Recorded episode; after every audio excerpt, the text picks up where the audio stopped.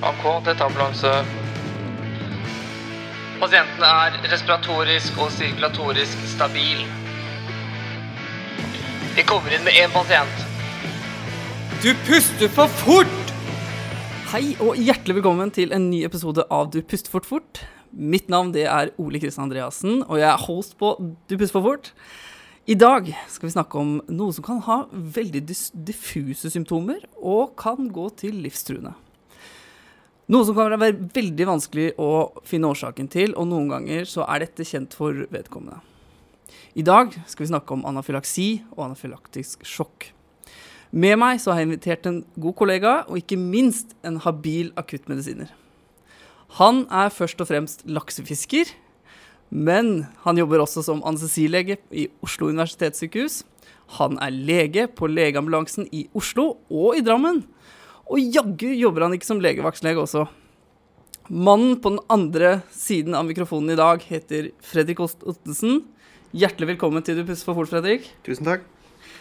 Ja, vi skal prate om uh, anafylaksi. Mm. Ja. Jeg utfordret, utfordret deg litt grann, da, på å ta med noen caser. Ja, jeg tenkte vi kunne begynne med et par caser. Ja. Det er ganske vanlige ting, men uh, la oss si du får en akuttur da, til et selskapslokale hvor du møter en eh, 60-årig dame som har drukket litt. Eh, disse har ringt ambulanse rett og slett fordi eh, de syns at hun har blitt urolig og eh, litt utafor.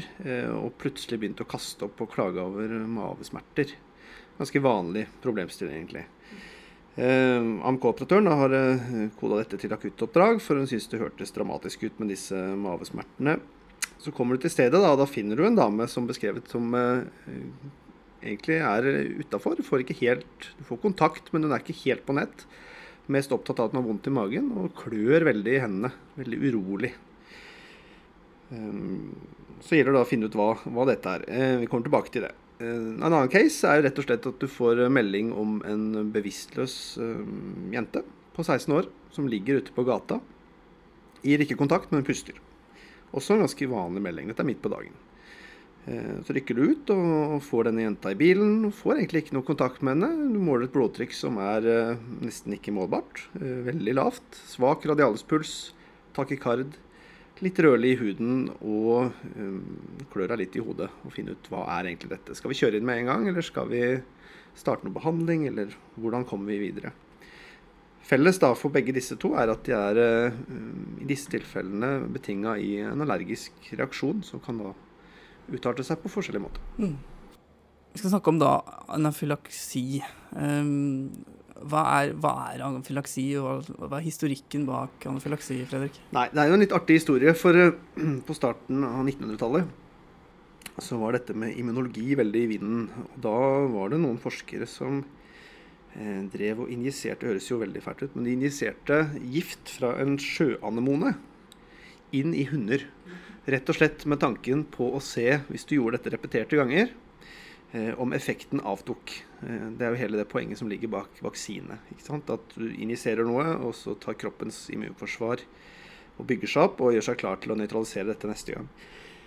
Og De fleste hundene, de, på gang to og gang tre, så ble de bedre. De fikk mindre reaksjoner hver gang de fikk injisert. Men så registrerte de det at um, og hva for å si det, Dette kalte de jo da profylakse. Filakse betyr beskyttelse. Eh, Og profylakse. Eh, Dette er jo da som sagt vaksinetankegangen. Eh, Men så så de at noen av hundene da ble dårligere for hver gang. Noen få. De ble verre og verre for hver gang. Og der De ble så dårlige at de døde. Og dette kalte de da for anafylakse, dvs. Si det motsatte av beskyttelse. Og dette er da prinsippet med sensibilisering, som da senere har blitt beskrevet og bekrefta. Så det er en litt sånn hvordan navnet egentlig kom inn i bildet. Historien Mhm. bak, ja. Mm. Um, anafylaksi, allergisk reaksjon. Um, de vanligste årsakene til um, anafylaksi eller allergisk reaksjon, hva er det? kan bare si det først at begrepet altså anafylaksi allerg allergisk reaksjon det går litt over i hverandre. Jeg, jeg tror ikke det er noe klart skille. Men sånn rent tradisjonelt så er jo anafylaksi mer betegnelsen på den alvorlige delen av de allergiske reaksjonene. Da. Du kan jo ha allergi sjokk og ja, og sirkulasjonspåvirkning og luftveispåvirkning og litt kraftigere reaksjoner. allergi kan jo også være å klø i øynene når det er pollen ute. Så bare for å ha sagt det. Um, nei, det vanligste er egentlig um, å bli utsatt for et allergen som man kanskje kjenner til fra før. Altså Typisk da er mat, som er nærmere to tredjedeler uh, av tilfellene, tror man. Insektstikk er ganske vanlig, rundt 20% og legemidler er heller ikke helt sjelden. Og så er det en gruppe som man ikke vet. Og det trenger ikke engang pasienten da vite at man er allergisk for noe. Ja. Mm. Og det kan være så enkelt som pollen og andre ja, ting. Da får du sjelden sånne alvorlige reaksjoner, ja. men mer Ofte er det jo at man, man tenker tilbake, så er det å ja, fordi jeg fikk i meg de nøtter, nøttene jeg ikke, egentlig ikke tåler. Mm. Eller jeg tok sjansen på å spise de rekene som jeg ikke tåler skaller. Så hvis man nøster litt i historien, så finner man ofte en årsak. Altså. Men det er ikke alltid. Men nå tenkte jeg vi skal gå litt dypere inn i uh, hva en uh, anafylaktisk reaksjon er for noe, Fredrik. Mm. Um, hva skjer patofysiologisk ved en allergisk reaksjon? Ja. Vi kunne snakka om forskjellige typer anafylaksi, da, med både allergisk og ikke-allergisk. og sånn og sånn. Det er eh, mer sånn veldig spesielt interesserte kort fortalt allergiske eh, reaksjoner. Eh, da må man ha en sensibilisering, være borti et stoff, og neste gang så reagerer man på det. Mens ikke-allergiske så kan du få dette da uten å ha vært borti det før. Men de er egentlig ganske mye felles. Eh, poenget her er at i den allergiske delen, som er den vanligste, så er man borti et stoff som gjør at kroppen kjenner igjen det som et stoff som ikke skal være der. Eh, og eh, på en måte reagere på dette og gjøre seg klar til å bekjempe det neste gang du får det i kroppen. Eh, og det typiske er immunsystemet som sitter i kroppen allerede, under huden. Mastceller, immunoglobuliner, gjerne da IGE-type, som sitter da klart. Og idet du får en kontakt med dette stoffet, så er jo våpenet ladd, og det er bare å trykke på avtrekkeren. Så fyrer de av, og de slipper ut histamin som er et lite Kall det et hormon. Et molekyl som har masse effekter da, i, i, kroppen. Um, med vasodilatasjon, um, og det får kar til å lekke, hodepine, kvalm, du får utslett, type da elveblest og sånne ting. Og det er en sånn nøkkelmolekyl i det vi kaller kaskadesystemer, hvor du setter i gang egentlig ganske kraftige reaksjoner i kroppen. Um, og så løper det litt litt løpsk, rett og slett. Eh, litt det samme som du ser eh, når eh, blødningskaskadesystemet settes i gang. Og det løper løpsk, og så bruker det opp blodcellen inn i blodet, eller trombocytten inn i blodet f.eks. Og du får blodpropper og, og, sånne ting. Så det er det at det løper litt løpsk, rett og slett. Så det du trenger for, en, for, for, å få en allergisk reaksjon, da, hvis du har veldig lyst på det nå, så er det rett og slett et allergen som du, du prater om. Mm. En, noe som kan utløse og trigge disse IG-proteiner, eller er det Det er proteiner som er i kroppen, ja. ja. Mm eh, og så fester de seg på mastcellene, mm. som frigjør masse histaminer. Ja.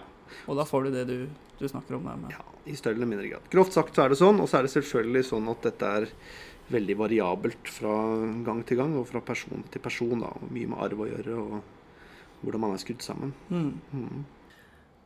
Du var jo inne på det, Fredrik, eh, litt grann i forhold til eh, symptomene. Du eh, sa lavt blodtrykk, bl.a. ødemer. Men symptomene er så mange, sånn som vi hadde i casen innløpende, med dame med magesmerter, uvel, litt oppkast. Så hadde du en kvinne da, som var bevisstløs og, og lavt blodtrykk. Um, kan du fortelle litt, om, litt, mer om symptomer og hva, hva som ligger bak det? Det kan jeg gjøre. Det er på en måte enklest å dele det litt inn i hvor i kroppen dette skjer, og hva som skjer. Um, vi kan begynne i huden. Ehm, det typiske er at det begynner å klø. Det helt klassiske er at det begynner å klø inni håndflatene, under beina, altså i fotsålene, og i hodebunnen. Det er gjerne et tidlig symptom. Etter hvert så blir man mer rød, og man kan også se blemmer, altså elveblest. De er ganske sånn karakteristiske. Hvis du vil se åssen det ser ut, og hvordan det kjennes, så kan du gå ut i hagen og være borti brennesle. Så får du en sånn klassisk urtikaria elveblest-utslett. Ja, det var godt bilde. Så det vet vi vel alle åssen er. Det klør ganske intenst, da. Um, og grunnen til Altså, kløe eh, kommer ofte direkte av histaminfrigjøringen. Eh, dette med hevelsene lokalt um, og rødme kommer jo av at blodårene utvider seg litt. Og eh, når kapillærene ut, uh, vier seg ut ganske mye, så begynner de også å lekke. Da får du et væske i, mellom, altså i bindevevet mellom eh, karene, og det vil jo da være sånn ødem rett og slett i huden, som du ser. Så det er jo det mest synlige, egentlig. Hvis vi går til da eh, luftveiene, så er det jo klassisk tidlige symptomer at man føler at man ikke får puste. eh, begynner å hoste, litt sånn irritert hoste. Kan også bli få stridor, altså sånn ordentlig sånn merkelig lyd når du puster inn. Eh, og videre da, etter hvert som dette blir mer alvorlig, så kan du få um, bli tett i lungene, akkurat som en astmatiker blir. Eller en tett kols, da. Pipelyder og sånne ting. Um, kan også være at man ser en lav metning, altså du får bli cyanotisk rett og slett, og tett i nesa. Og at stemmen endres. Det kan Mm. også merkes. At du får rett og slett ødem uh, i, akkurat i stemmespalten. Og veldig mye av dette her er jo også uh, histaminfrigjøring, irritasjon av vev pga. histaminet, vasodilatasjon og lekkasje, så du får hevelser altså også nedover i, i luftveiene. I tillegg da, det samme gjelder egentlig sirkulasjon generelt, eh, hvor du typisk da får lavt blodtrykk, eh, ofte med en takykardi, rask puls, trenger ikke ha det, for alt er jo litt ute på viddene her. Eh, Dette kan jo føre igjen at du svimer av fordi blodtrykks og blir bevisstløs. Blodtrykket forsvinner og kan gå videre til en asystole og hjertestans, eh, rett og slett. Eller en uttalt radikardi da. Eh, Og dette typiske her er jo at større blodårer utvider seg. Så man får jo da en relativ hypovolemi, rett og slett. Du får eh, Karen utvider seg, og du får for lite blodvolum som går rundt. For lite cardiac output. Fordi du både mister væske, og fordi at eh, årene utøver seg, ikke sant? Primært det akutte er jo at det vier seg ut, sånn at du får samla opp mye av blodet i karsystemet, og ikke får pressa det rundt. Og dette ligner egentlig på en sepsistilstand. ikke sant? Ja, for det er mye, mye likheter med en sepsis her. det er mye likhet. Og behandlingen er dels også lik på enkelte områder da. Um, og selve den lille lekkasjen ut i første omgang er ikke det noe stort problem, men det, kan bli, det er mer et problem lokalt hvor det er trangt fra før, sånn som i luftveiene. Um, det som også er viktig å si, er at man kan ha symptomer fra maven, um, mave- og tarmsystemet. Uh, mavesmerter kan være ganske ille. Kolikksmerter. Uh, oppkast, egentlig diaré. og dette kommer også primært fra ødem, altså hevelse i tarmen, tarmveggen. Når du ser på CT-bilder fra folk med en skikkelig anafylaksi som er kvalme, så kan du se væskeansamling i tarmveggen ja. som gir hypermotilitet, altså oppkast og ordentlige kolikksmerter. Er kjempevondt. I tillegg, da, siste er at de kan ha veldig diffuse symptomer. Gjerne tidlig litt uro. Følelse at det er noe alvorlig gærent. Det kalles katastrofefølelse. Og forvirring. Mm. Og egentlig være helt utafor uten du klarer å fortelle hva dette er. Og Så det- blander det da alt, alt seg sammen til slutt, Ja. etter hvert som dette får lov å stå ubehandla.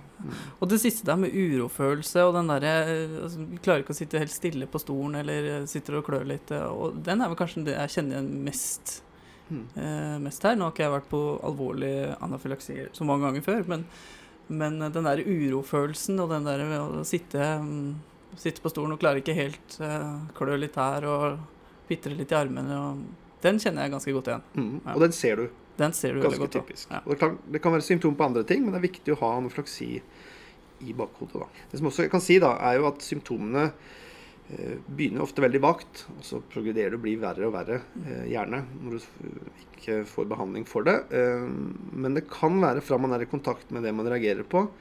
Ofte går det ganske fort. Typisk et bistikk, så får du eh, symptomer ganske fort. Men det kan også være at det er en delay der. Hvis du har spist noe, det skal ned i maven, ned i tarmen, tas opp.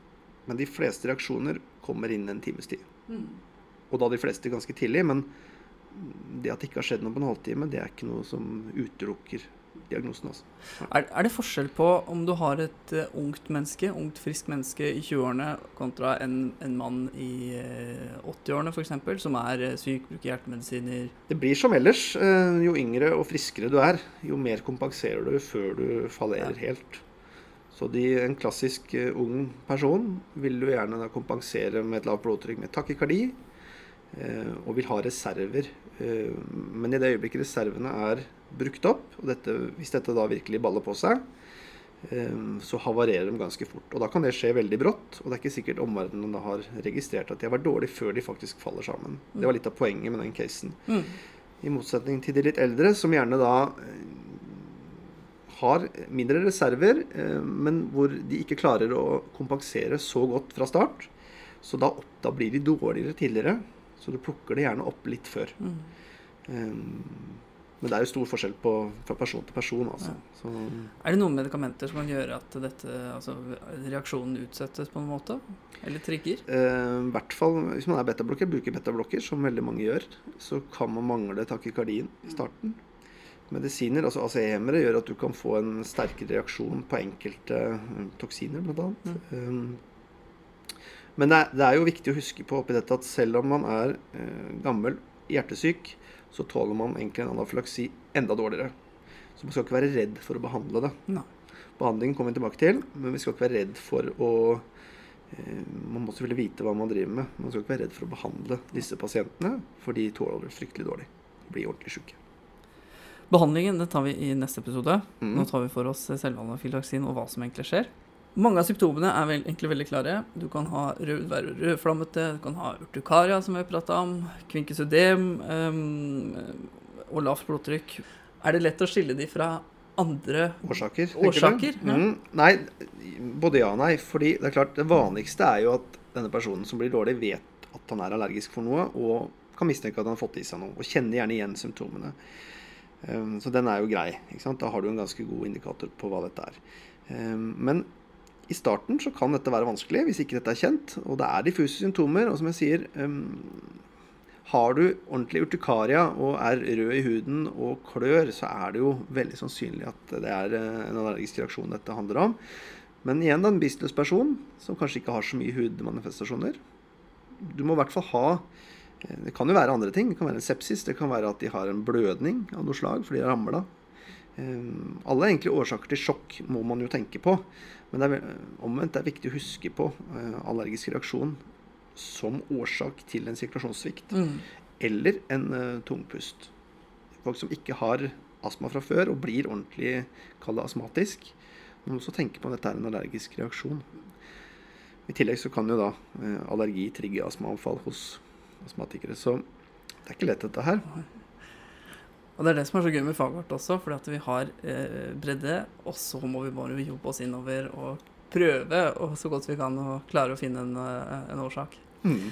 Um, og så snakka vi litt grann om det her med legemidler, da. Um, at det kan være med å utløse en allergisk reaksjon. Um, ambulansetjenestene har som regel morfin. Um, og så er diskusjonen da Eller det er kanskje ikke noen diskusjon, men hvis man reagerer allergisk på morfin, vil det da hjelpe med uh, å f.eks. gi Naloxon?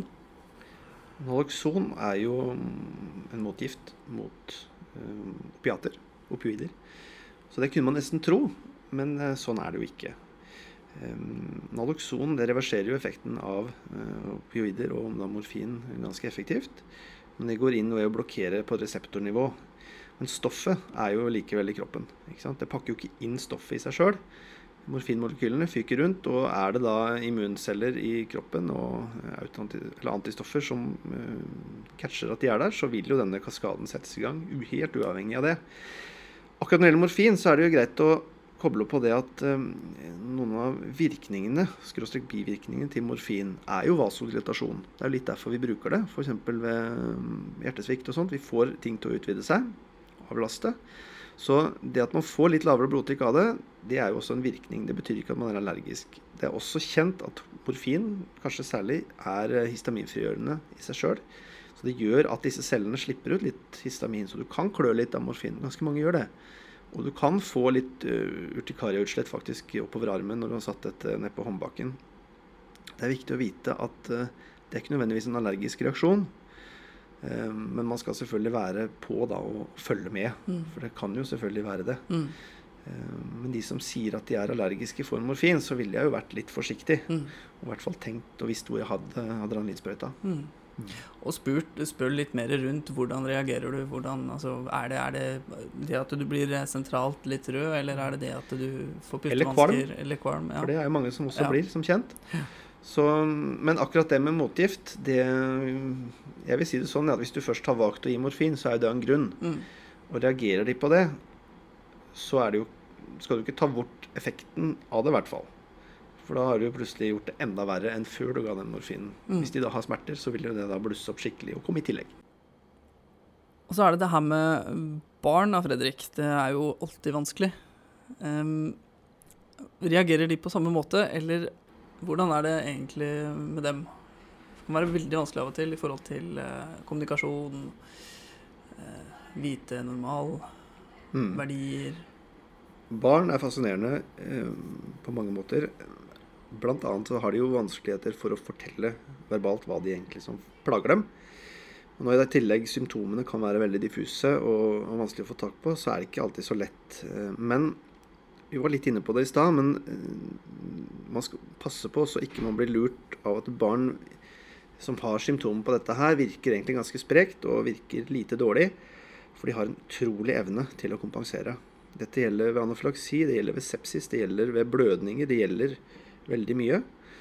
Jo yngre og friskere du er, jo lettere har du for å kompensere. Jo mer reserver har du.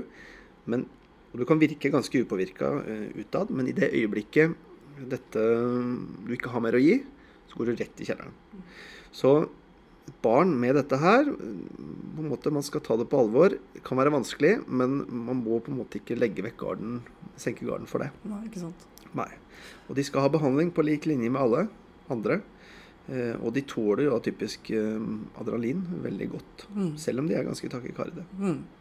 For eh, eh, vil en tidlig fase kanskje oppfattes som takykarde, fordi de ikke klarer også De øker pulsen istedenfor fordi at de klarer ikke å få økt cardiac output. De prøver å opprettholde cardiac output ved å kompensere med å øke pulsen fordi blodtrykket går ned fordi du får vasodilatasjon i karene, blant annet.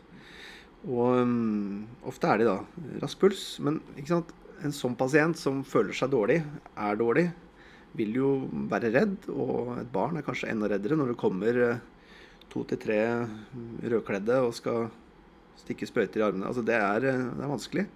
Litt av sjarmen med barn òg er at de er jo det er litt veterinærmedisin. Du må lese dem litt, og du må prøve å, å finne ut hva som feiler dem, uten å egentlig snakke. Du får ikke alltid en god informasjon fra dem, da. Men du har foreldre. Du har ofte en historie på allergi. Så man kommer stort sett i mål. Poenget er bare ikke å bli lurt av at man virker så pigg og sprek. Um, Men å ha en plan da, hvis de plutselig blir veldig dårlige. Det kan gå veldig fort. Mm. Og leit, leit etter eh, det du kan. Kle av Kle, kle barnet. av barnet, ja. Også titt nedi bleia. Se etter urtikaria eller uh, rødflammete hud, som er en god pekepinn. Mm. Mm. Eller hevelser, særlig da i munnen. Og vi kommer tilbake til behandling. Fredrik, nå jobber du som anestesilege. Du jobber på legebilen i Oslo, og du jobber på legebilen i Drammen. Um, og har et godt forhold til oss uh, som jobber i gata. Så, Nå gjør jo du òg det, altså. Men uh, hva, hva slags tips eller triks, eller hva slags um, Har du noe å si til oss, da? Om, om eh, selve anafylaksi og, og tanken rundt det? Ja, altså, vi har jo vært inne på litt. Um, Det ene er alltid tenk kan dette være en anafylaksi. Det er kjempevanlig, og det kan være vanskelig å catche det.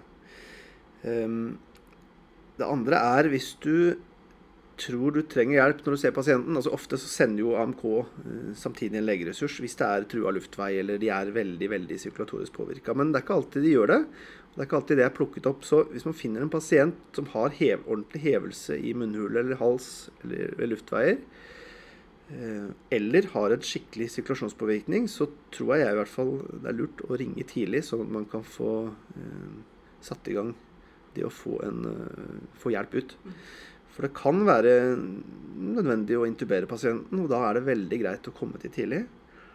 Ehm, og så kan man heller avbryte hvis man på en måte ser at nå får jeg kontroll. Så kan man heller ehm, gjøre det da i samråd med den legen som er på vei. Ehm, så det å ikke være redd for å be om hjelp på disse, for disse kan bli ganske dramatiske. Hvis du går på nettet og ser på bilder med anafylaktiske reaksjoner og luftvei, så, så skjønner du hva jeg mener. Mm. Den andre tingen er jo det at behandlingen er ofte veldig effektiv. Adrenalin er kjempeeffektivt, virker fort, og det virker veldig bra, stort sett. Men det har kort halveringstid, det virker kort. Så ofte så er det behov for flere doser. Ofte så kommer dette tilbake etter en kvarter, 20 minutter, halvtime, altså etter en tid.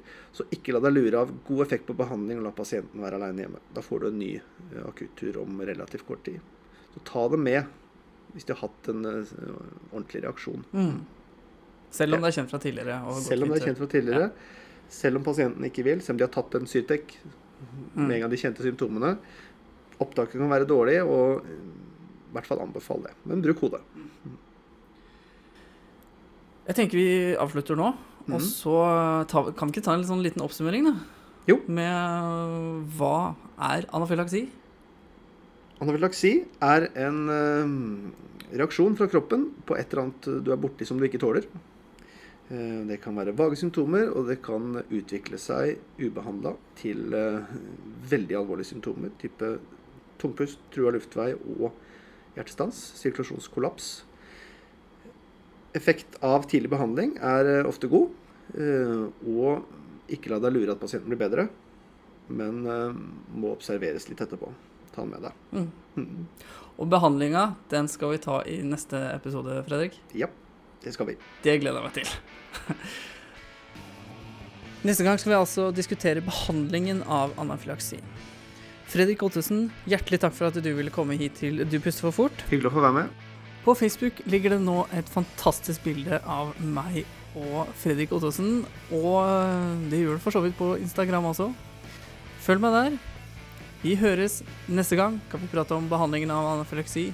Det blir gøy. Ha det godt.